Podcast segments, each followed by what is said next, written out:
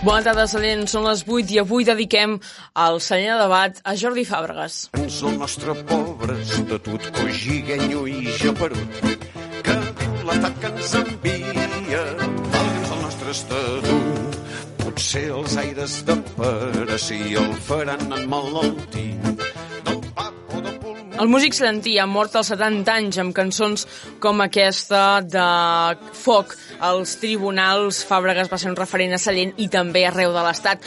El 2020 va rebre la Creu de Sant Jordi i també va ser, va ser distingit amb el 34è Premi Bages de Cultura atorgat eh, per Òmnium Cultural del Bages. Per la seva passió per la música va arribar ben aviat quan va fundar grups musicals com Roda de Manresa, Grup Coses, entre d'altres. Un dels seus llegats més importants va ser quan el 1988 va crear el Festival Tradicionarius, que s'ha mantingut com un referent del folk i de la música d'arrel als països catalans i que des del 1993 gestiona també el Centre Artesà de la Vila de Gràcia. De fet, el mateix Fàbregas ha estat el cap visible del CAT des de que Trump en va assumir la direcció ara fa 27 anys. El seu recorregut musical va ser reconegut aquest any 2020 amb la Creu de Sant Jordi per la tasca de recuperació i promoció de la música popular i tradicional catalana i pel seu paper en la fundació i consolidació de nombrosos festivals i de diferents grups musicals d'arrel tradicional. Dins la seva trajectòria musical també va ser guanyador del primer premi del Festival de la Cançó del Llobregat de 1964 amb la cançó titulada Som de Sallent, que va adaptar ell mateix aquest 2020 durant la pandèmia. Som Sallent, som de Sallent, som de Sallent, som de Sallent, vila gran i bona gent. a cada casa, des dels balcons, Fem melodies, cantem cançons. per expressar-vos l'agraïment. al vespre sona sí l'aplaudiment Justament era aquesta la cançó de Som Sallent. La seva petjada també, però, es pot seguir en festivals com Mercè Folk, el Mercat de Música Viva de Vic o la Fira d'Espectacles d'Arrel Tradicional de Manresa, entre d'actes. Actualment forma part de, formava part del grup Arcalís i Fàbregas ha mort després de passar mesos hospitalitzat per una malaltia. se'ns acaba la paciència I anem més notícies. L'empresa ICL, que gestiona les mines de Súria i de Sallent, vol aprofitar temporalment una part del runam del Cogulló per instal·lar-hi un parc solar. El projecte que porta per nom Cogulló, Cogulló Solar Plan vol aprofitar la cara sud del runam per instal·lar-hi set parcs amb una superfície de 12,5 hectàrees i una capacitat de producció contínua de 30 megawatts. El cost d'execució del projecte, que assumiria íntegrament ICL Ibèria, s'ha calculat en 18.000 euros. Des de la plataforma ecologista ProSal critiquen que la que, la tracta, que es tracta d'una cortina de fum, ho verbalitzava el seu portaveu, portaveu Jep Rivera. el, el fet que s'anunciï aquestes plaques solars i aquests 18 milions que gastarà la CL no és més que una cortina de fum perquè tapa dos agressions fortes contra el territori. Una, aquest nou runam temporal que pensen posar, i l'altra, que ja els hi han concedit, treure 7 hectòmetres del Llobregat, de la, de la depuradora de Manresa. El director de Medi Ambient d'ICL, Lluís Fàbregas, assegura que el projecte neix amb un debat intens en què el que sí l'empresa eh, que l'empresa vol per pal·liar la seva petjada de carboni i donar-li una doble vida al cogulló. Segons l'estudi que ha encarregat l'empresa, la instal·lació tindria una producció anual de 45 gigawatts, l'equivalent al consum de més de 12.000 llars i podria cobrir tot el consum del municipi de Sallent, tant les llars com l'enllumenat públic, comerços i indústria. En aquest sentit, Fàbregas ha dit que una part d'energia sobrant la podrien compartir amb el municipi de Sallent. Fàbrega ha dit que es tracta d'un projecte molt embrionari, tot i que, ha deixat clar que és una aposta de l'empresa. El responsable d'Iberpota ja ha assegurat que el nou ús fotovoltaic que, que sí que li pot donar el cogulló és totalment compatible amb la restauració del runam salí, ja que la nova instal·lació tindria una vida útil més curta que el període de restauració. El camp fotovoltaic podria tenir una vida útil de 10 o 12 anys, mentre que la restauració del cogulló es podria allargar una cinquantena d'anys. Que Fàbrega afegeix que el retard del col·lector de Salmores els ha deixat amb la necessitat de buscar una solució. El col·lector de Salmorres, com bé sabeu, ara s'ha eh, atrasat i la previsió és 2025. Tot el, el, el, a nivell d'acumulació de sal nosaltres ho teníem perfectament eh, estudiat fins ben entrat al 2023 i ara ens queda aquí un gap que necessitem una solució com per poder eh, seguir treballant i seguir produint. En aquest sentit, diu que a banda de crear un nou dipòsit salí és només una possible solució. Aviam, el que necessitem és una forma de gestionar la sal en aquest període transitori. Una de les possibilitats, efectivament, és un dipòsit salí, però no és l'única possibilitat, n'hi poden haver d'altres. I sí, aquest, aquest impàs d'aquest any, eh, eh, d'aquest any que ens queda eh, aquí entremig és el que eh, s'obre eh, la possibilitat de modificació del PDU. L'informe que han encarregat Ivet Potes admet que el fet d'instal·lar plaques solars en el vessant sud del dipòsit produiria un impacte visual, però subratlla que serà molt menor que els beneficis que es pot obtenir de la producció d'energia elèctrica de fonts renovables. I l'oposició de Sallent fent poble seguint amb aquest tema que explicàvem just ara aquí al Sallent a debat i és que, eh, com bé explicaven, l'empresa doncs, vol instal·lar aquestes plaques solars que permeten tapar la muntanya de sal. Des de l'equip, però, asseguren que l'empresa minera complirà totes les normes i que Sallent en sortirà beneficiat.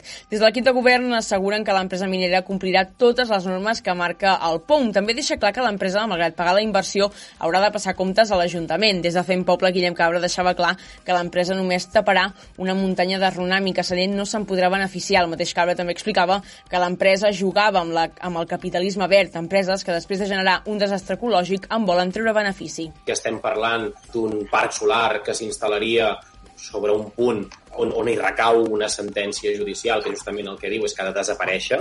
Tenim dubtes mediambientals, però sobretot tenim dubtes de, de model, de model, de model energètic, de model de lluita contra el canvi climàtic i que se socialitzi, que hi hagi transparència, perquè creiem que és important posar els pros i els contres sobre la taula L'alcalde de Sallent, Oriol Ribalta, diu que l'empresa complirà la seva sentència deixant de banda el gest de posar les plaques. En aquest sentit, també explica que volen energia neta per al poble i que la muntanya és un bon lloc per posar-ho. També explicava que ICL és l'única empresa capaç de generar aquesta energia. d'aquesta intervenció sempre i quan es compleixin dos requisits elementals. El primer és que es pugui seguir executant la sentència i que, per tant, hi hagi la retirada eh, sense problemes i el segon és que el benefici que pogués en un futur generar això, si realment s'acaba tirant endavant, eh, fos de forma directa cap a, cap a la ciutadania de Sallent, no només cap al municipi, sinó cap a la ciutadania, individualment.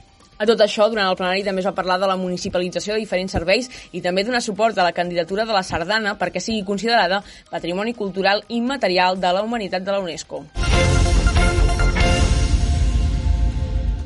I passem a notícies més d'àmbit eh, comarcal, i és que Juan Ribas i la seva parella, en Joan, eh, de Balsareny, tenien una idea abans de que arribés el març del mes passat, marxar a viure a Austràlia. De fet, ho tenien tan clar que es van desfer de tot el que tenien i el 14 de març ja estaven a l'aeroport esperant el vol cap a la illa oceànica.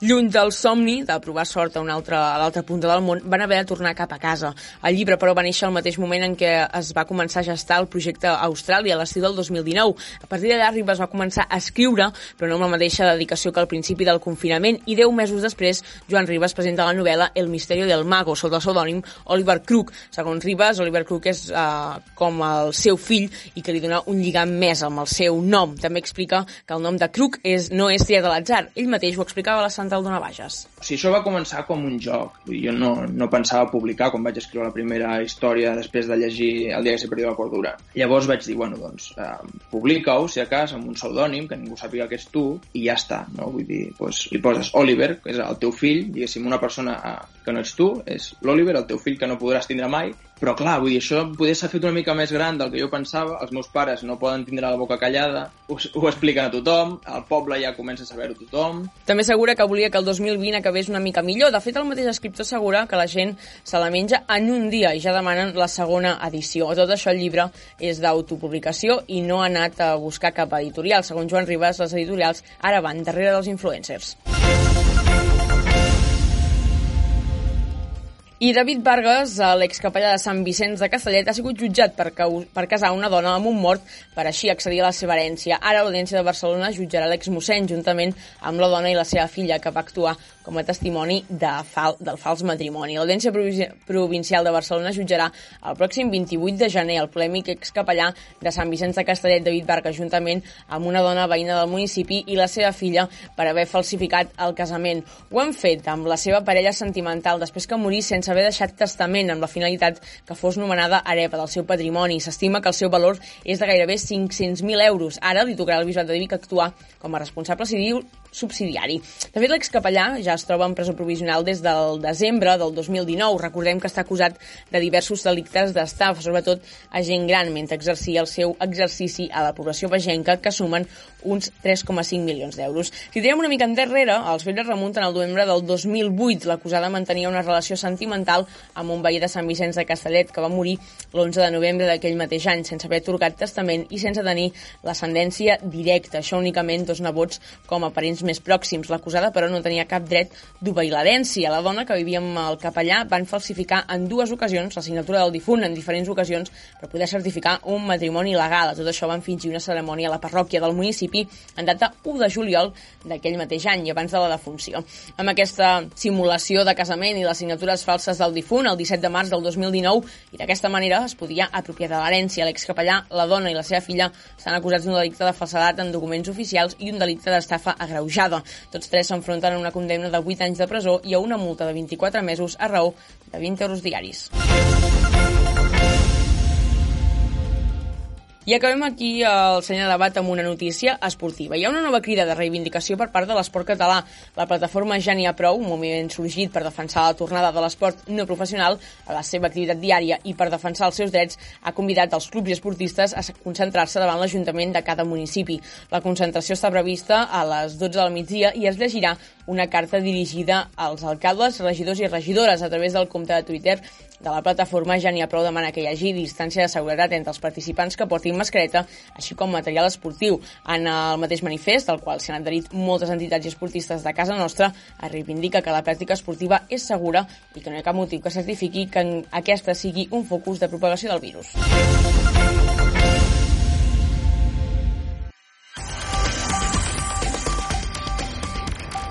I avui a la secció de l'entrevista recuperem una entrevista que ja vam fer fa uns dies aquí al Celler de Debat, que es tracta de la cellentina Olga Aymeric, que treballa a la ONU. En els, en, es tracta de l'analista de relacions internacionals Olga Aymeric. Recuperem aquesta entrevista que vam fer ja al Celler de Debat fa uns mesos, però que uh, mai està de menys uh, tornar-la a escoltar. Bona tarda, Olga. Hola, bona tarda, Olga. Què tal, com estàs? Doncs molt bé, molt contenta d'estar aquí. Bé, uh, estem per parlar una mica primer de tu. Uh, primer volem conèixer-te una mica abans de parlar estrictament de la teva feina, per dir-ho d'alguna manera. Volem conèixer una mica més la Olga que, que hi ha aquí dins. Primer de tot, una de les coses que, que et preguntaré i que tinc curiositat és, ja des de petita uh, tenies aquest sentiment o aquest caràcter de d'ajudar o, de, o de tenir una visió més cap a, cap a aquest sector que t'ha portat a treballar en conflictes bèl·lics i en, en ajudar la gent, eh, una mica per aquí? Jo diria que sí, que sempre he tingut una mica aquesta vocació. Llavors, també he tingut molta curiositat cap a altres cultures, ja des de petita. M'encantava viatjar, o sigui, era una mica tot lligat a sortir d'aquí, conèixer coses noves, explorar. També m'ha agradat molt des de sempre la política, anàlisi política de conflictes i, i sí, jo crec que sí, que ja, ja em venia de petita. Ja tenies allà la curiositat, perquè, clar, tu els estudis per això els has, curs... ho has fet tot aquí, has cursat aquí. La majoria sí, sí. Jo vaig estudiar primer comunicació audiovisual a l'Autònoma de Barcelona i llavors em vaig especialitzar en, en relacions internacionals per Orient Mitjà. I, bueno, en, encara estic estudiant, eh? Encara estàs, encara estàs en ello, eh? estudiant. Sí, que ara estic fent uh, un doctorat de uh, seguretat internacional uh, al Regne Unit però sí, tots els meus estudis van ser, van ser aquí a Catalunya. Home, per tant, preparar-te pel doctorat, déu nhi et deu portar feina, estona i bastant de temps. T'ho has d'agafar amb calma, sí. Quan fa que ho estàs cursant? Uh, porto 5 anys i el programa són 6, perquè evidentment també treballo a, a, a temps complet, però a poc a poc, a poc a poc ja arribarem. Uh -huh. Quina situació és la que et trobes ara uh, professionalment? És a dir, arran de la pandèmia has vingut cap aquí, si no vaig errada, uh -huh. i per tant la perspectiva de, de futur a llarg i curt termini, quina serà?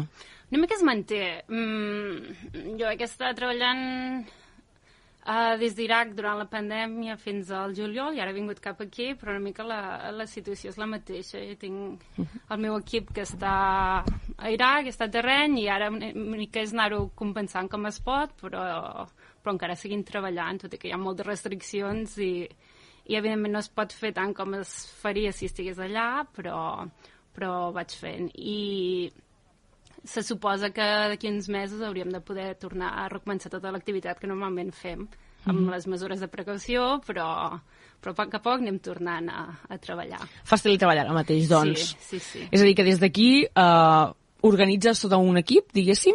Sí, tinc els equips que, que estan bueno, a diferents ciutats d'Iraq i llavors un, un, un equip uh, central a, a on visc i on treballo, que són a, a les oficines d'Erbil, que és la, la capital del Kurdistan d'Iraq, i sí, des d'allà organitzem una mica tot i, i ara ho estic fent des d'aquí, que costa més, però com que ja també fa molts anys que treballo al mateix lloc, amb el mateix equip, ens coneixem molt, també facilita molt les coses. Mhm. Sí, em passo 4 o 5 hores a Skype o al WhatsApp trucant-los, però, però de moment ens en estem sortint bé. déu nhi Clar, quan dius la paraula equip, a quanta gent ens referim? Uns 35. Déu nhi És a dir, que coordines a 35 persones Sí, ara sí. sí. repartides, no?, com has dit. Repartides a um, sis ciutats de- d'Iraq, sí. Mm -hmm. I podries explicar així, a grosso modo, evidentment no totes, no sé si totes tenen com el mateix objectiu, la mateixa funció, però ens pots explicar una mica una, uh, què has d'o- què has d'organitzar d'alguna manera, quines són les tasques i, i quin és l'objectiu de, dels equips uh, en aquest sentit?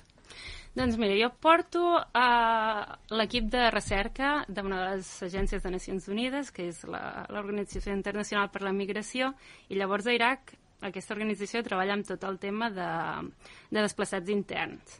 Llavors, quan va haver l'estat islàmic va avançar i va guanyar terreny a, a, a Iraq i va controlar el terreny durant molt temps, llavors hi va molta gent que es va desplaçar.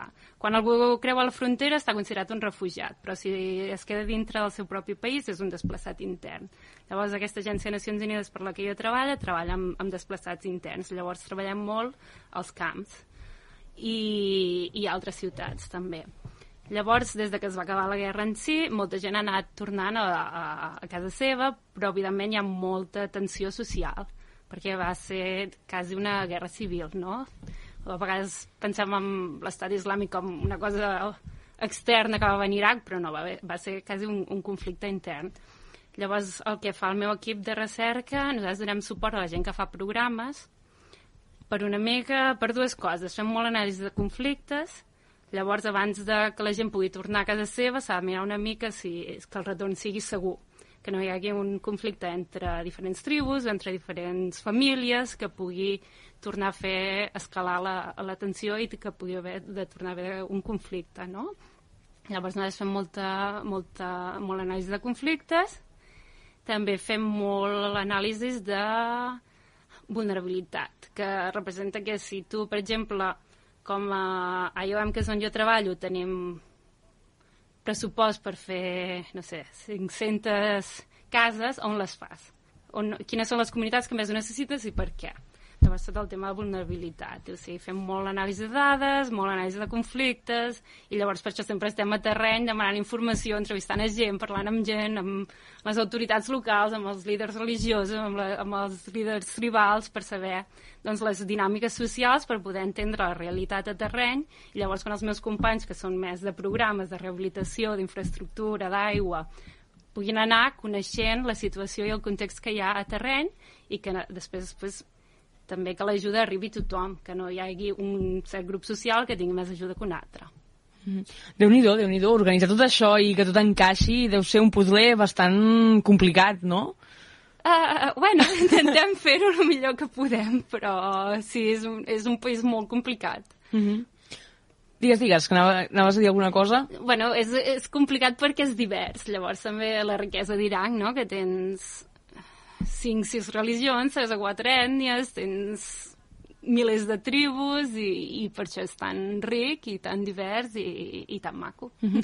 Clar, uh, abans de començar l'entrevista que hem estat com, com parlant tu i jo, t'he demanat segurament que, que la gent eh, té com primer de tot una idea com romàntica del fet de, de marxar i de, de dir, mira, tinc ganes de, de marxar a, a viatjar i tinc ganes d'anar a treballar fora, però potser un destí més romàntic, no? Potser, posaríem la paraula, però clar, és que tu vas anar a, a lloc completament diferent. És a dir, te'n vas anar a, a un lloc on hi, havia on hi ha conflicte, on hi ha pobresa, on hi ha diversitat cultural, moltes coses que la gent no està acostumada. La gent va a llocs més, més rics.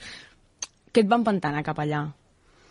El fet de dir, m'ha agradat tant això, perquè clar, vas estudiar-ho, evidentment, i és una cosa que segurament t'agradava, però de dir, és que jo vull marxar d'aquí, me'n vull anar allà i descobrir què està passant i, i poder ajudar, què t'empenta a fer el pas final? Uh, jo crec que és una feina que t'aporta molt.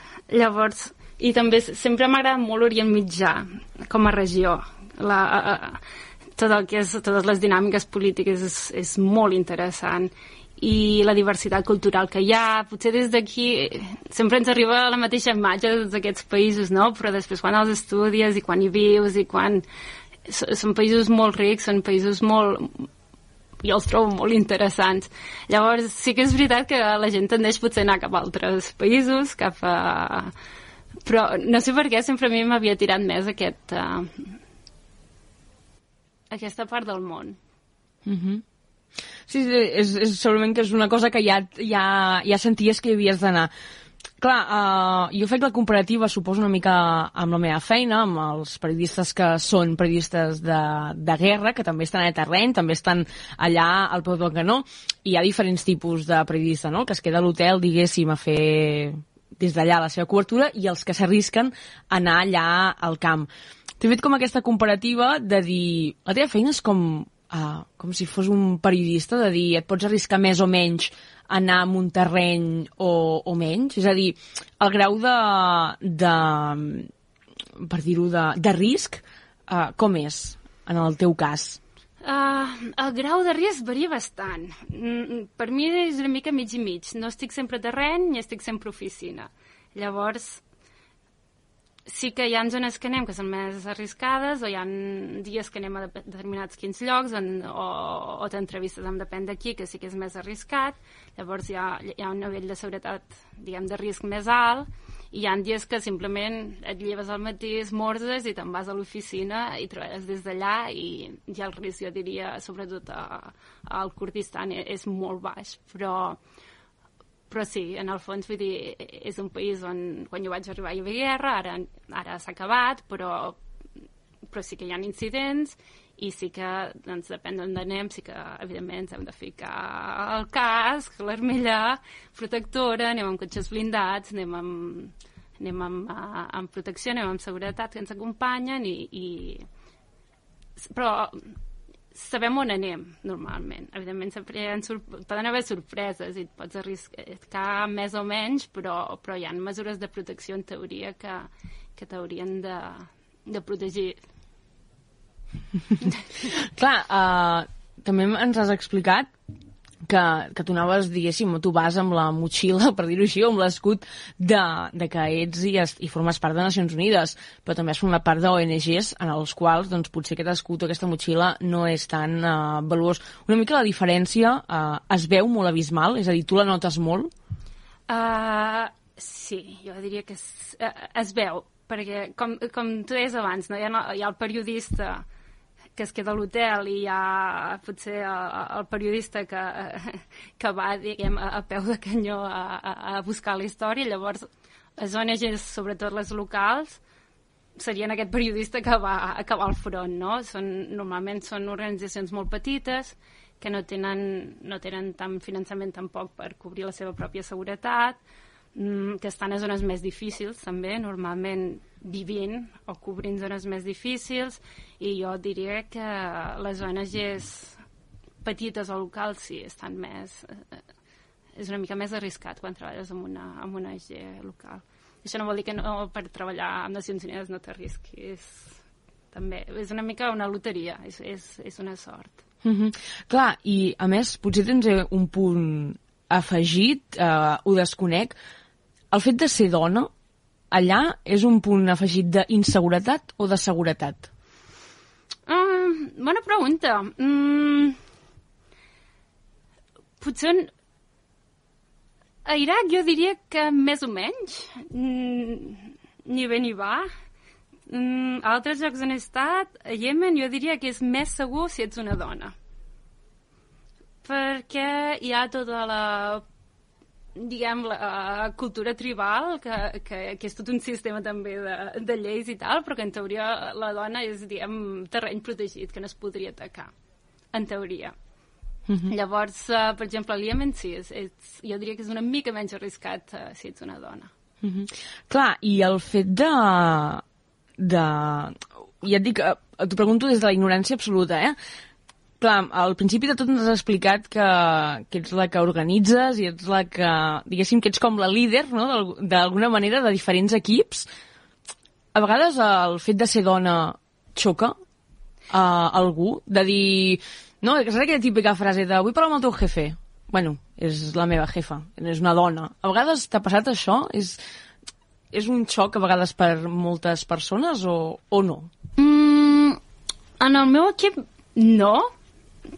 Uh, també perquè hi ha una política o, de, de intentar sempre buscar, per exemple, tenim els, els líders de cada equip, diguem, són meitat homes, meitat dones, també busquem diversitat no? en, en l'equip, llavors jo crec que també estan acostumats a dintre de l'estructura de Nacions Unides de veure moltes dones que, que són són caps de- d'equip, no? Llavors, no, no, crec que si ja entres a treballar a Nacions Unides i ets d'Iraq, ja assumeixes que hi ha aquesta mentalitat de que aquí et trobaràs com a, com a, a treballant allà. Llavors, jo això no m'hi he trobat. Sí que és vegades, a vegades quan et vas entrevistar, per exemple, amb, amb les autoritats de, locals de- d'alguns pobles, i, i si anem dos, vaig jo i vaig el meu company, potser es referiran més al meu company que a mi, li parlaran més amb ell que a mi. Però jo també crec que és una... perquè s'hi senten més còmodes. Mhm. Llavors, uh, I, I ara fent, tornant una mica enrere del que estàvem parlant fa una estona, has dit que fèieu un estudi de camp, llavors valoràveu què es podia fer i què no es podia fer al terreny. Tot aquest procés, quan pot durar? Uh, depèn, hi ha estudis que fem que són estudis ràpids, diguem, d'una setmana, dues setmanes. Per exemple, ara s'estan tancant molts dels camps que hi havien oberts, llavors són estudis que s'han de fer ja, perquè s'ha de saber si la gent que hi ha als camps i que volen tornar a on vivien poden tornar i és segur tornar, hi ha una infraestructura bàsica pe- que els, poguet, els permeti tornar amb uns estàndards de vida bàsics, diguem, i, i aquests es fan molt ràpid. Potser en dues setmanes podem fer anàlisis d'unes 200-300 localitats. Hi ha estudis que, que duren anys. Portem, per exemple, un estudi que estem fent de, des de fa 4 anys amb la Universitat de Georgetown, que és un estudi que, que el que fa, per exemple, és mira l'evolució de, de les mateixes famílies que es van desplaçar a través del temps per entendre com les seves necessitats van canviant a través dels anys i per poder adaptar, per exemple, els programes a les necessitats Mhm. Reals, no? Reals. I, clar, ara això és una pregunta més, més personal. Uh, clar, vens d'una realitat molt diferent al que et trobes un cop arribes allà, és a dir, fa tot el que segurament que has de viure, veure i, i, i palpar amb les, teus, amb les teves pròpies cans, diguéssim, és molt diferent al que, al que es viu aquí. Arran d'això, d'aquest canvi tan important, potser ja, potser ja el sabies i potser ja venies preparada, t'ha fet eh, demanar ajuda més enllà de, de potser l'ajuda que tu ja tenies a nivell d'estudis de la teòrica, de dir, mira, quan aneu aquí us trobeu amb això, això i això, aneu alerta a nivell psicològic perquè us pot afectar. Tu hi anaves amb una base o un cop vas arribar allà vas haver de demanar-ne més? Mm, jo jo era molt innocent quan vaig començar. jo anava amb molta il·lusió, amb molta bona voluntat, llavors te les vas trobant. Són com garrotades que van arribant i vas ser més conscient de dir, ostres, pues, doncs sí, potser vaig ser una mica això, innocent, quan vaig començar, però més que demanar ajuda jo crec que, que t'aprens també una mica tu mateix a, les expectatives, no? Vols, a vegades vols fer moltes coses i, i no surten i hi ha molta frustració perquè tu vols fer-ho ja i no es pot fer ja. I llavors és, és una mica això, les expectatives, o a vegades estem sota molta pressió, o, o hi ha molta atenció, la, hi, ha, hi ha vegades que anem a fer entrevistes i realment hi ha molta atenció. I llavors és, n'aprens. Tu mateix jo crec que, que aprens a, a, a entendre què està passant, a, entens a aprendre fins quan pots estirar o quan no. Quan, a, i també aprens a, a vegades a, a, quan veus que realment no pots fer res. I això jo crec que és una de les parts més tristes quan realment a vegades t'adones que per molt que insisteixis no pots fer res en aquell moment en aquell poble determinat perquè la situació no ho permet. Mm -hmm. Quina ha sigut la situació més complicada o més difícil que, que has viscut? Potser el fet de... Potser un exemple podria ser aquest, no?, del fet d'anar a un lloc i veure que no pots fer, no pots fer res, però si pots, explica'ns alguna, alguna situació que, que et vingui al cap ara de dir, mira, aquella vegada... Uh, per mi, personalment, marxar de Yemen va ser molt dur. Jo havia estat treballant a Yemen quasi dos anys i mig, uh, quan va acabar la revolució àrab al Yemen, que era un període de transició democràtica molt optimista i la situació en dos anys va deteriorar moltíssim i al cap de dos anys va començar la guerra civil i llavors va ser quan, ens, quan, quan jo vaig marxar uh, quasi al principi de la guerra civil. I jo durant aquests dos anys m'havia sentit molt còmoda on treballava, tots els meus companys de feina treballava a una, a una ONG local, tots els meus companys de feina eren yemenites, tots els meus amics, la majoria eren yemenites, jo estava molt arrelada, m'encantava la ciutat, m'encantava la cultura, i veure com es, es deteriorava la situació tan ràpid i el fet d'haver de marxar, perquè realment la guerra està començant i has de marxar, a, a mi em va saber molt greu perquè em vaig sentir que estava abandonant tot el meu equip, que s'estava deixant enrere, jo agafava l'avió i marxava i tots els meus companys de feina, tots els meus amics es quedaven allà. Jo, jo crec que va ser un dels moments per mi més difícils d'acceptar que, bueno, en el fons no és el meu país i he de marxar perquè, bueno, l'ambaixada ens feia marxar, etc. però deixar-los amb ells enrere. Mm -hmm. És a dir, t'expulsaven del país d'alguna manera? Uh, hi havia la recomanació de que, de que s'havia de marxar, sí. Llavors, uh, moltes ONGs ja havien marxat, uh, algunes ambaixades estaven encara obertes, però a personal mínim, i hi havia alguns periodistes, que sempre són els que es queden els últims i més desprotegits, però també hi, era, hi havia alguna gent uh, d'ONGs locals com jo. Mm. Alguns es van quedar encara un temps més, i jo vaig, vaig marxar. Vaig mm. marxar unes setmanes abans de que comencessin a, a bombardejar. Mm -hmm. Clar, suposo que això també ha de ser un, un, un xoc, no?, d'alguna manera, de, de dir, estic abandonant un lloc on hi he treballat durant molt de temps i he, i he exprimit molts esforços i sé que potser quan torni tot això d'aquí, materialment, no hi serà. Mm -hmm. Sí, és, en el fons és un punt de vista una mica egoista, perquè jo sóc la que marxo i ells són els que es queden a una situació molt difícil. Al Iemen encara hi ha guerra. Jo vaig marxar el 2014. Però sí, sí, sí.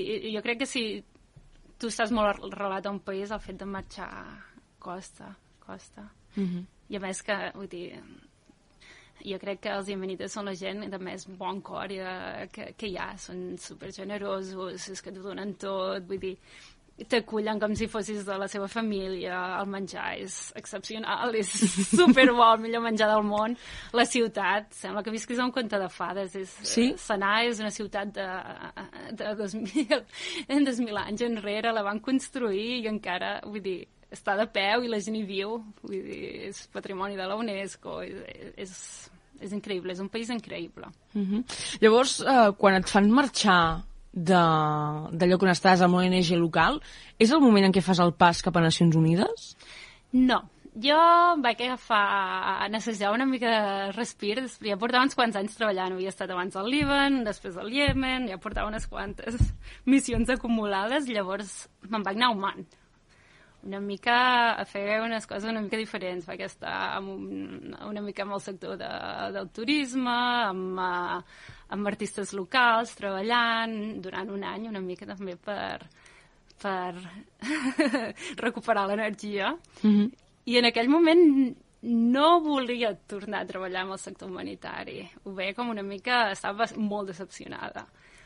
Però després al cap d'un any vaig dir, bueno, va, és hora de tornar-hi. I llavors va ser quan vaig, uh, quan vaig anar a Iraq. Mm -hmm. Ara acabes de dir uh, que estaves decepcionada amb el sector humanitari. aquesta decepció va, ser, va fer que tornessis per d'alguna manera contribuir en millorar aquelles coses que t'havien decepcionat? Uh, jo crec que vaig digerir diguem, la, la patacada de, del Iemen, del que va ser veure florir el país després de, de la transició democràtica fins a acabar un altre cop en una situació de guerra civil. I, i per mi era, vale, on hem fallat, com s'ha fallat, com s'ha passat amb dos anys de, de, de, de blanc a negre. I, I llavors, que jo estava molt decepcionada, però després en perspectiva també ho veus i dius, bueno, però en el fons vull dir... Has fet... Si no s'hi treballa, tampoc es- millorarà. Va. No? És, és, és de, eh, deixar-ho estar i dir ho vam fer malament i ja està. Vull dir, amb això no arregles res. Mhm. Ho has d'afrontar i dir, bueno, pues, potser no es va fer tan bé com es podia, eh, ja n'he pres, els errors que potser vaig veure allà, si passen ara almenys seré capaç de, de, de veure'ls i almenys dir-ho en veu alta, dir mira això no s'està fent bé, i llavors també va ser, sí, va, vaig dir no, vull tornar, vull tornar perquè ja és hora. I ara, per exemple, estàs uh, perfecte, no?, en aquest sentit, de dir, treballant cada dia més i millor per, per millorar tot això. Uh, sembla ser que, per com ho expliques, uh, que ara mateix aquests errors t'han ajudat a que no s'hagin tornat a cometre, entenc. Uh, O que s'afrontin diferent. Que s'afrontin diferent, que s'afrontin una mica més amb, amb... Bueno, errors sempre en passaran, el que s'han de veure... s'han de poder veure i, i, i, i arreglar, no? Perquè, vull dir, en el fons errors sempre n'hi ha. Sempre n'hi ha, però s'han d'anar... s'han d'arreglar. I, I ja està, i anar avançant. Clar, i una altra de les coses que a mi em, em xoca, hi ha, hi ha feines i feines, no? Hi ha la típica feina d'oficina, que tu arribes a la teva oficina, fas quatre coses i marxes, però hi ha, per exemple, uh, la teva feina, que és un tracte amb persones, uh, que això ja és un tracte molt diferent, això t'ho portes cap a casa? És a dir, psicològicament, uh, això com, com t'afecta? Perquè, clar, per exemple, estàs aquí, al locutori, aquí a Ràdio Sallent, però el teu cap pot anar a mil per hora i està pensant en una altra cosa, en aquella persona que has parlat al matí, que l'has hagut d'ajudar, que saps que està en problemes, que sap que necessites la teva ajuda. Com, com ho afrontes, això? Com ho portes? Mm.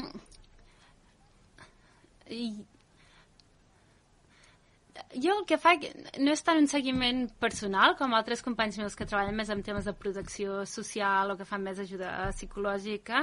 Jo parlo més que res amb, no, evidentment, amb, amb, amb gent de, dels llocs on treballem, però també amb, amb moltes autoritats locals, els, tribus, eh, els líders tribals, els líders religiosos, una mica mediació entre ells, no? Llavors, eh, les històries que sents sí que són personals, però vull dir, com que t'entrevistes amb tanta gent contínuament, tampoc, tampoc eh, Et dona peu a quedar-te una història, potser, no? Sí, les vius una mica totes. Tampoc tens temps a, a sentir-te potser eh, identificat o, o involucrar-te amb, amb, amb el seguiment d'una persona, no?, de la, la seva història, perquè és cada dia diferent gent, de diferents de diferents àrees i, i, i, bueno, cadascú té el seu punt de vista, llavors una mica el que, el que fas és intentar recollir el que cadascú et vol transmetre, no?, i per poder també jo després transmetre-ho a, a, a algú altre. Mm -hmm. Mm. Clar, estàvem parlant abans també del fet de que potser tens dies que vas a l'oficina i allà et quedes, diguéssim, i llavors tornes cap a casa, i hi ha dies que vas a, a camp, diguéssim, vas a, a terra, a territori. Potser és una pregunta tonta, potser no. Uh, el vestuari canvia quan has d'anar a un lloc o a un altre? Ah, Sí, sí, és que canvia. Perquè, bueno, evidentment, quan vas a l'oficina i si hi ha reunions amb altres agències de Nacions Unides o amb el govern o tal, vas més arreglat, diguem, vas d'oficina. I, I quan vas a missió terreny vas una mica més còmode. Vas, anem amb tot l'equip, amb, la, clar, amb bambes, amb, roba esportiva, tal. ha com dues Olgues, no?, aquí. Sí. la més d'oficina, la més de terreny. Clar, a més a més, has d'anar tapada? Uh, depèn on anem. Uh, normalment no. Uh, depèn de quina part d'Iraq vas. Al Kurdistan no. Quan vaig a la part d'Iraq central o, o, o cap a l'oest, que és la part així més tradicional, sí, sí que anem, vaig tapada, però només amb el vel. Uh -huh. I clar, um, pel que m'estàs explicant, clar, jo m'estic fent, uh, suposo que la gent que ens està escoltant també s'està fent una idea de la ciutat, de com és, de com es viu, però la gent d'aquí, què en sabem del que passa allà? Um, la imatge que arriba aquí... Jo diria que com... A veure, això sempre passa amb tots els temes, no? Arriba una imatge una mica... No, no vull dir simple, però, però una mica... Sí, una mica simplificada de, del que està passant allà, no? Llavors, normalment la gent quan li dius Iraq o li dius Yemen pensa en, en les notícies que veiem doncs amb la guerra amb els atacs i, i, i la part maca que, doncs, que no és notícia doncs potser la gent no la coneix tant però sí, no sé mm -hmm. Clar, i ara um, ja per anar acabant, eh? una cosa també, mira, perquè ens en fem una idea una miqueta uh, de com es viu allà d'alguna manera, perquè clar, hi ha la part Olga de, de dilluns a divendres, m'invento, eh, treballo i faig les meves hores, però també hi ha moments de descans, moments d'esbarjo, de, per dir-ho així. Què fas normalment? És a dir, tu tens un dia lliure? Uh, sí. què, po què, què, què pots fer, d'alguna manera? I què no pots fer? Què puc fer? Mira, a Erbil hi ha gairebé de tot. Mm, ara mateix, quan vaig arribar al 2016, no, però ara mateix hi ha electricitat, aigua, 24 hores, o sigui que tots els serveis estan coberts. Hi ha gimnàs, que hi podem anar, per homes i per dones, sense cap problema. Hi ha un parc que és maquíssim, que pots anar a córrer si vols. Hi ha cines, hi ha supermercats, hi ha centres comercials, hi ha bars, hi ha restaurants. Uh, Erbil és una ciutat... És molt fàcil de viure, és com, és com un Manresa, diríem. No és molt gran, no és molt petit, hi ha una mica de tot. Altres ciutats, quan estic, per exemple, a Bagdad, si m'he de quedar al cap de setmana, doncs poquet, perquè estem tancats dintre la, la zona militar, diguem. Llavors, ni que tu estiguessis vivint a la casa del costat, si et vull venir a veure, no puc. He de demanar una escorta que em ve a buscar i em porta a casa teva. Llavors canvia moltíssim també una mica depenent d'on de, m'enganxo al cap de setmana, però mm. normalment Erbil és, és una vida normal com la que faria aquí. Uh -huh. mm, però si estàs en una altra ciutat, representa que el perill és molt alt, entenc, doncs. Si d'una casa a l'altra t'han d'acompanyar... Mm, o és més per prevenció? És, és una mica per, per prevenció, sí. Uh -huh. I abans també m'has dit una cosa que, de fet, no hem, no hem comentat, que ara m'ha vingut al cap. Uh, tu quan estàs en un lloc saps el nivell d'alerta que hi ha o el nivell de risc que hi ha. Això també passa el cap de setmana, per exemple? Sí, sí, nosaltres tenim, vull dir, per exemple, si estic a Erbil, un cop per setmana eh, ens envien l'informe amb el risc de, de seguretat. Quan estàs, per exemple, a, a Bagdad, t'arriba cada dia, o quan estàs de missió, hi ha, hi ha com una mini reunió abans d'anar a missió que t'informen pues, on pas, quin és el nivell de seguretat, a quins trossos t'hauràs de ficar al cas i a quins te'ls pots, pots treure, uh -huh. i, i si anem amb cotxe blindat aquell dia o no, i si ens, si ens escorta l'exèrcit aquell dia o no, i, i coses d'aquestes, pues, ja, ja t'informen i així tu també ja et fas la idea de de...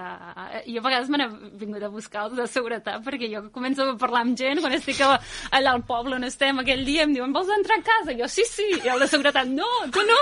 I jo ah, no puc fer el te allà amb la, amb la família? No, no, a fora. I jo, bueno, va, pues a fora, no, perquè tampoc els diràs que no, evidentment. I per què no pots entrar dins? Uh, representa que el nivell de seguretat puja perquè tu no saps qui hi ha dintre. Potser hi ha algú que t'està esperant. D'acord. amb una sorpresa no gaire agradable, però, però bueno, aquesta mobilitat. De... tampoc pots anar amb por, perquè si vas amb por tampoc disfrutes de la teva feina. Jo llavors, vull dir, si, si anés amb por ni faria la meva feina bé ni la disfrutaria, llavors. Uh -huh. No. I ara per anar, ara sí per anar acabant, uh, tu vas amb una missió, per dir-ho així, no? Acabes el, el projecte, uh, que duri el que duri, quan, quan ens, ens has explicat que pot durar dues setmanes o cinc anys o el que duri, un cop acaba uh, que ja tot el període ja s'ha completat, com et sents? Què et, què et dius a tu mateixa o, o, o, o què sents que transmets o quina, quina Olga es desperta quan, quan passa això? Uh, normalment, evidentment, molt agraïda a la gent que ha volgut parlar amb nosaltres, al meu equip, que normalment fa una feina espectacular, que hem crescut també junts allà a Iraq. Jo quan vaig arribar a Iraq, vaig arribar per tres mesos a fer un, un mini estudi i em vaig acabar quedant quasi quatre anys. Bueno, ara ja fa més de quatre anys i, i el meu equip realment és excepcional, treballen moltíssim, treballen molt bé. Llavors jo sempre que, que acabo un projecte eh, me'l sento que és com el projecte de la família que tenim a, a Iraq, no? que tenim amb l'equip, i evidentment és una feina que també t'aporta molt. La gent que entrevistem o que parlem amb ells, potser no tant els que són líders, però la gent, la gent dels pobles on anem t'aporta molt escoltar-los. És, és, és una sensació que a vegades la gent et diu ah, gràcies, i tu penses, gràcies per què? Diu, no, perquè m'estàs escoltant, no?, i t'estic explicant el, el, el que a mi em passa i, i això arribarà a algun lloc si s'intenta ajudar. I jo, I jo a vegades penso, bueno, es, esperem que sí. Llavors jo quan acabo un projecte i el presento, penso, tant de bo que sigui, tant de bo que sigui així, no?, que serveixi per, per alguna cosa. I que d'alguna manera també deixar la teva família aquí també suposo que va ser un pas de una mica dur o, o un cop estaves allà potser de trobar-ho a faltar. Ara suposo que ja, ja arriba un moment que ja t'acostumes, però al principi no sé si devia també ser... Devies tenir el teu procés d'acceptació de... No? O potser no, eh? Vull dir, pot ser totalment al contrari, de dir, no, no, és que em vaig adaptar a la perfecció perquè era el que volia. Uh, no em pensava que estaria tants anys fora, la veritat. Però bueno, ara molt agraïda també d'estar aquí uns mesos, no? I d'aprofitar-ho ara que es pot. Mhm. I a més ara que ve Nadal. Mira, perfecte, no? doncs, Olga, moltíssimes gràcies i res, que, que vagi molt bé aquests projectes i que vagi molt bé el Nadal aquí a Sallent al poble. I a tu, moltes gràcies per invitar-me. Només faltaria. Merci. I ara l'agenda de la setmana amb Pitu Galubart.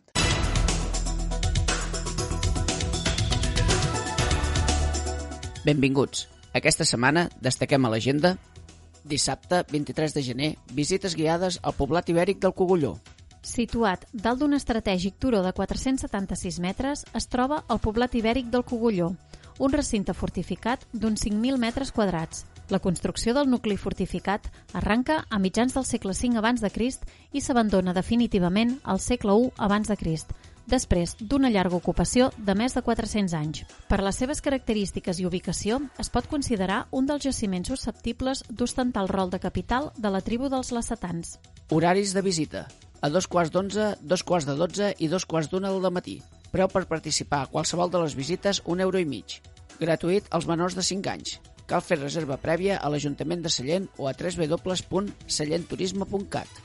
Dissabte 23 de gener a un quart de nou del vespre a l'Espai Cultural Fàbrica Vella el cicle Gaudí presenta Uno para Todos, dirigida per David Ilundain. Un professor interí assumeix la tasca de ser el tutor d'una classe de sisè de primària en un poble completament desconegut per ell. Quan descobreix que ha de reintegrar a un alumne malalt a l'aula, es troba amb un problema inesperat. Gairebé cap dels seus companys i companyes volen que torni a classe. Entrades a 4 euros i mig a l'Ajuntament de Sallent, l'Escola de Música Cal Moliner, fabricavella.sallent.cat i una hora abans de l'espectacle a les taquilles del teatre. Amb el carnet jove, entrades a 3 euros i amb l'avantguàrdia, entrades 2 per 1. Aforament limitat. És obligatori l'ús de mascareta. Diumenge 24 de gener a les 6 de la tarda a l'Espai Cultural Fàbrica Vella, teatre familiar amb l'obra En Patufet i els seus pares. Adaptació de la popular rondalla catalana, fent una picada d'ullet al món actual i les obsessions d'avui en dia. Una versió que presenta uns pares novells i excessivament protectors amb el seu fill. Un text amb toc d'humor, tendresa i una mirada actualitzada, moderna i global, i que compta amb la música original d'en Pep López. Entrades a 8 euros a l'Ajuntament de Sallent, l'Escola de Música Cal Moliner, fabricavella.sallent.cat i una hora abans de l'espectacle a les taquilles del teatre. Aforament limitat. És obligatori l'ús de mascareta. Més informació a l'Instagram, Facebook i Twitter de Ràdio Sallent i sintonitzant el 107.6 de la FM.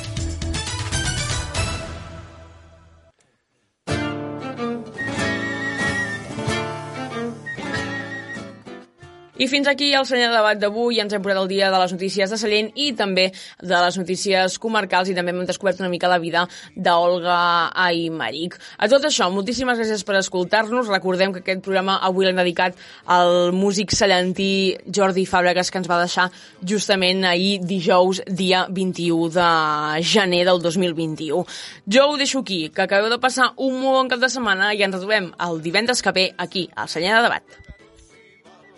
Se'ns ha acabat la paciència, fot-li foc al tribunal. Valga'ns el nostre pobre estatut més petit que un esternut d'una puça presumida. Valga'ns el nostre estatut. Mare de Déu, que n'és desquifit com que arriba de Madrid. No ens arriba pas a mida, valga'ns el nostre estatut. Senyors de tan alta ciència fan creure que tot s'hi val. Se'ns ha acabat la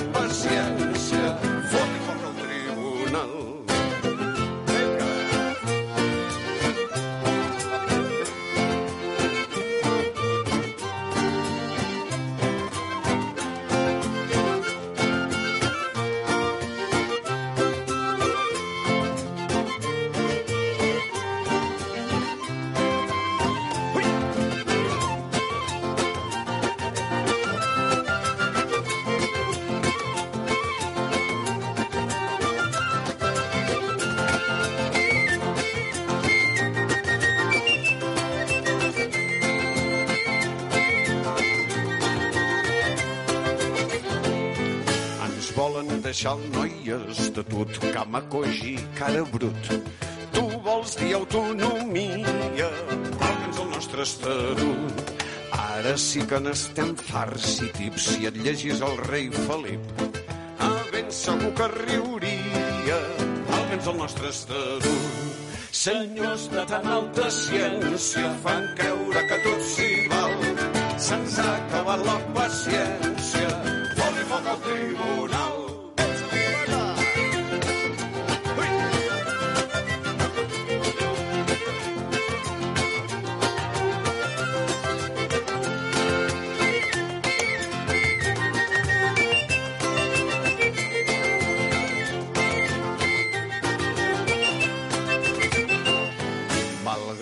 nostre pobre estatut, cogiguenyo i japerut, que diu l'estat que ens envia. Valga'ns el nostre estatut, valga'ns el nostre pobre estatut, cal regar-lo amb un embut, que l'infant cal fer reviure. Valga'ns el nostre estatut. Senyors de tan alta ciència fan creure que tot s'hi val. Se'ns ha acabat la paciència.